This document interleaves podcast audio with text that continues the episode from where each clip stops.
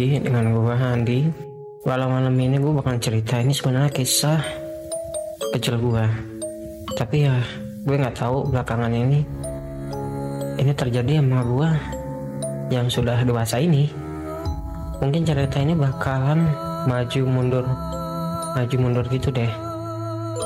Kisahnya ini berawal ketika gue waktu masih kecil tinggal di sebuah kota daerah Kalimantan Timur ya nama kotanya sih kalau nggak salah Samarinda. Jadi waktu itu gue waktu kecil tinggalnya di sebuah rumah dan rumah di Kalimantan itu semuanya terbuat dari kayu guys. Nah gue itu nggak sendiri gue ada di gue satu lagi. Jadi gue masih kecil juga jadi gue selisih sama adik gue itu satu tahun satu bulan.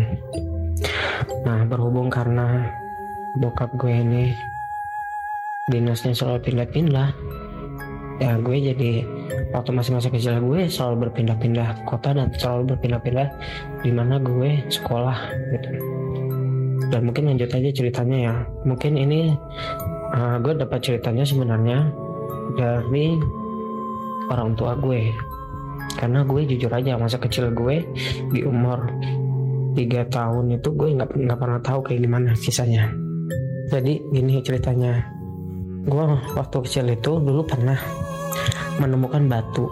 Sebenarnya itu batu jujur aja. Itu batu kalau uh, kita lihat kata keterangan dari bokap nyokap gue batu batu biasa batu pinggir jalan gitu dan sebagai dan ukurannya itu sekepalan tangan orang dewasa. Nah batu itu gue bawa. Gue ambil dari sebuah pohon. Terus gue taruh gue ceritanya jalan eh, gue nggak tahu itu apa gue yang ngambil batu itu jalan di teras apa itu batu emang sudah ada di situ gue lupa lupa ingat waktu itu. Jadi intinya kata orang tua gue gue lagi megang batu itu.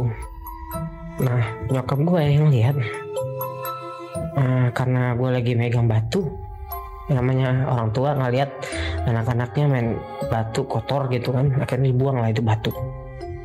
Nah ya, entah gimana nyokap gue tuh ngeliat lagi loh gue tuh lagi megang batu itu lagi. Tapi gue bukan hanya pegang tapi gue makan. Itu batu keras kata nyokap gue. Tapi herannya ketika gue makan tuh batu itu gue kayak lagi makan kerupuk. Akhirnya diambil dong tuh batu lagi kan dari tangan gue waktu itu. Diambil dari tangan gue tiba-tiba dilempar. Entah gimana tuh batu balik lagi terbang gitu dan jatuh di hadapan gue. Dan gue ambil lagi. Dan gue makan lagi. Batu yang tadinya sekepalan eh, apa tangan orang dewasa tiba-tiba nyokap gue ngeliat tuh batu udah tinggal setengah lagi. Karena gue makanin gitu kan. Akhirnya di, tetap diambil sama nyokap gue. Nah di situ mulailah ada keheranan dari nyokap. Akhirnya nyokap gue tuh manggil bokap gue. Nyokap gue manggil bokap gue. Bokap gue datang kenapa mah ini batu. Kok saya lempar terus balik lagi. Ah masa sih? Akhirnya dicoba lagi sama nyokap gue. Swing lempar. Dan akhirnya itu batu benar-benar kembali lagi dengan sesuatu yang lebih aneh lagi sebenarnya.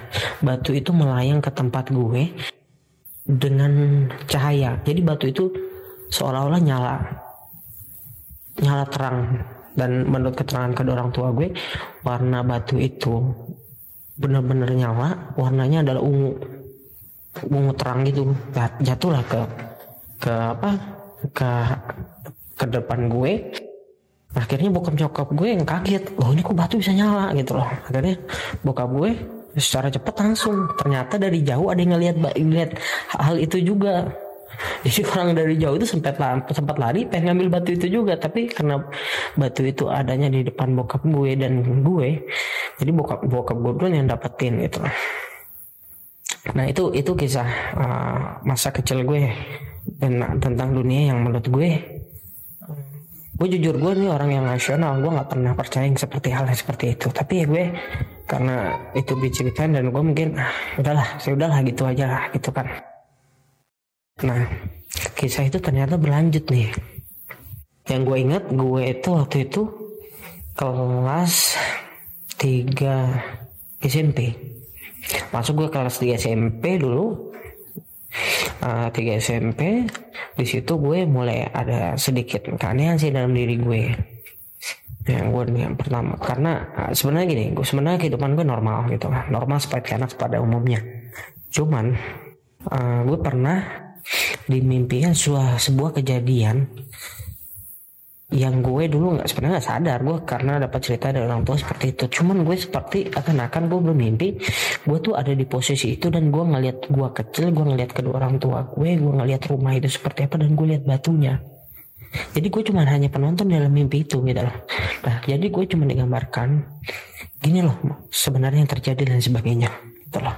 Gue cuma digambarkan tentang itu dah setelah itu ya gue bangun dong pagi kan Nah dari situlah gue mulai-mulai ada ada yang aneh dari diri gue. Contohnya satu, waktu kecil kita wajar lah kita berantem dan sebagainya dengan teman-teman lain atau uh, teman-teman di luar itu gitu loh. Nah lucunya setiap gue berantem dengan siapa pun berantem sampai pukul-pukulan sebagainya, gue nggak pernah yang namanya jadi musuh. Pasti setelah berantem itu jadi teman. Itu satu. Yang sebelum-sebelumnya gue nggak pernah nggak pernah terjadi itu. Tapi setelah gue mimpi itu entah kenapa itu tiba-tiba berubah drastis. Terus kedua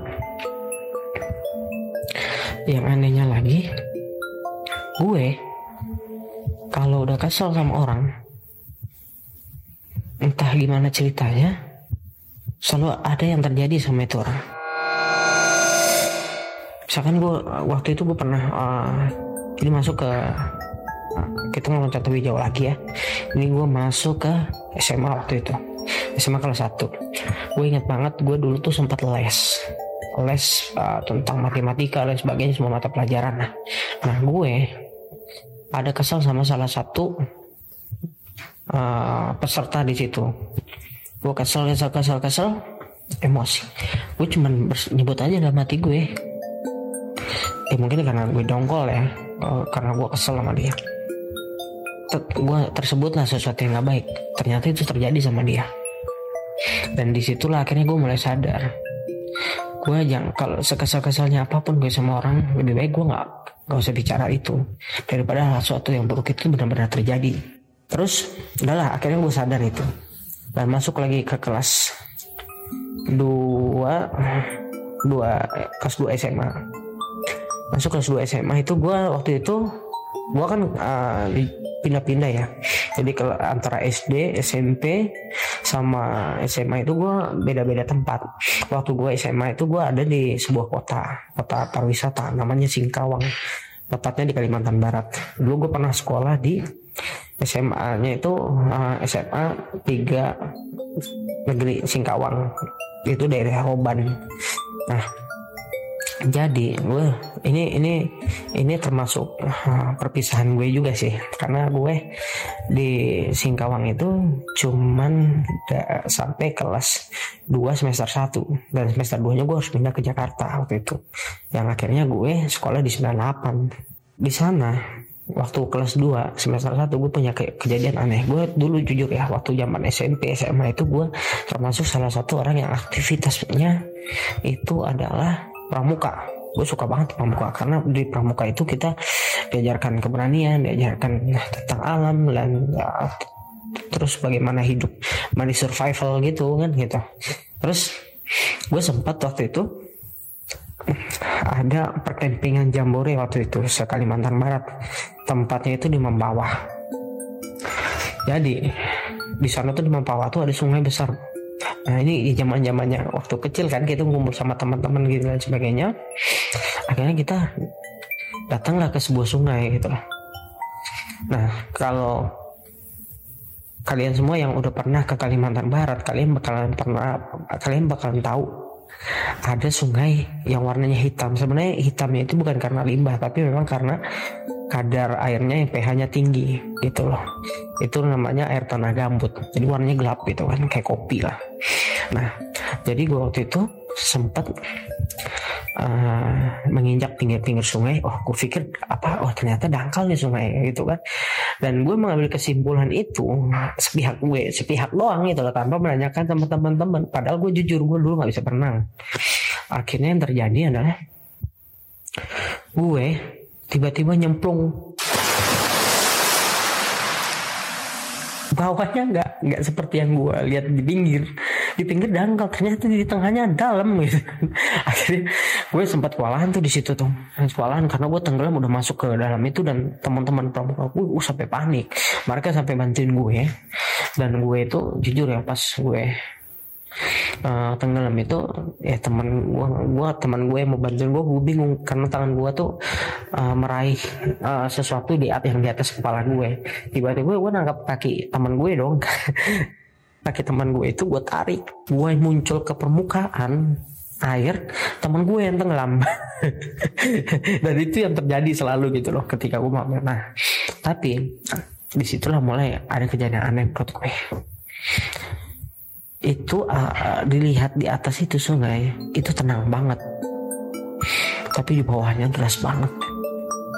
Dan di situlah gue entah gimana ceritanya gue tuh berasa sadar atau tidak sadar pas berada di bawah itu kayak dituntun gitu. kayak dituntun ada sebuah cahaya yang gue gue berusaha berenang ke situ. Ternyata pas gue ngikutin ngikutin ngikutin itu tiba-tiba waktu itu leher gue kayak yang ngerangkul. Kayak yang ngerangkul tiba-tiba gue masuk kayak ke pinggir gitu.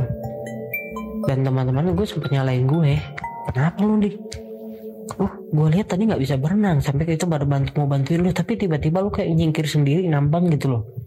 Nah itu yang itu menurut gue aneh gitu loh. Gue kayak dibantu kayak ada orang ada ada seseorang gitu yang narik apa yang ngerangkul leher gue dan bawa gue ke pinggir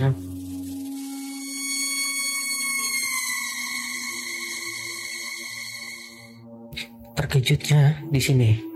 Terkejut sekali gue.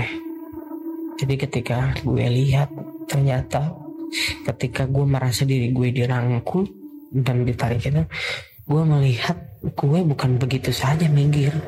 Ternyata ada sosok sosok yang menurut gue badannya besar putih dan dia berjubah gitu. Dia tiba-tiba narik gue jadi kita udah lagi panik-paniknya teman-teman gue nyalain. Cuman gue bisa merasakan makanya gue berpikir sama teman-teman gue ini ada yang bantuin gue. Malah teman-teman gue nyangkanya gue itu bisa berenang cuman bercanda-bercanda. Bayangin padahal gue udah panik di bawah itu wah udah mati gue waktu itu. Wah udah gue mati nih gue gue nggak bakal bisa pulang nih. Gue mungkin pulang dan ditemukan hanya sekedar mayat gue pikir gitu kan. Nah itulah kejadian-kejadian gue ya mungkin sekian lah cerita dari gue. Terima kasih banget nih buat yang mau dengar cerita ini. Dan gue sih berharap covid atau corona itu bisa selesai sih. Dan kita bisa berkumpul lagi sama teman-teman kita dan menjalani aktivitas kita. Nah udah mungkin itu aja sih cerita dari gue. Terima kasih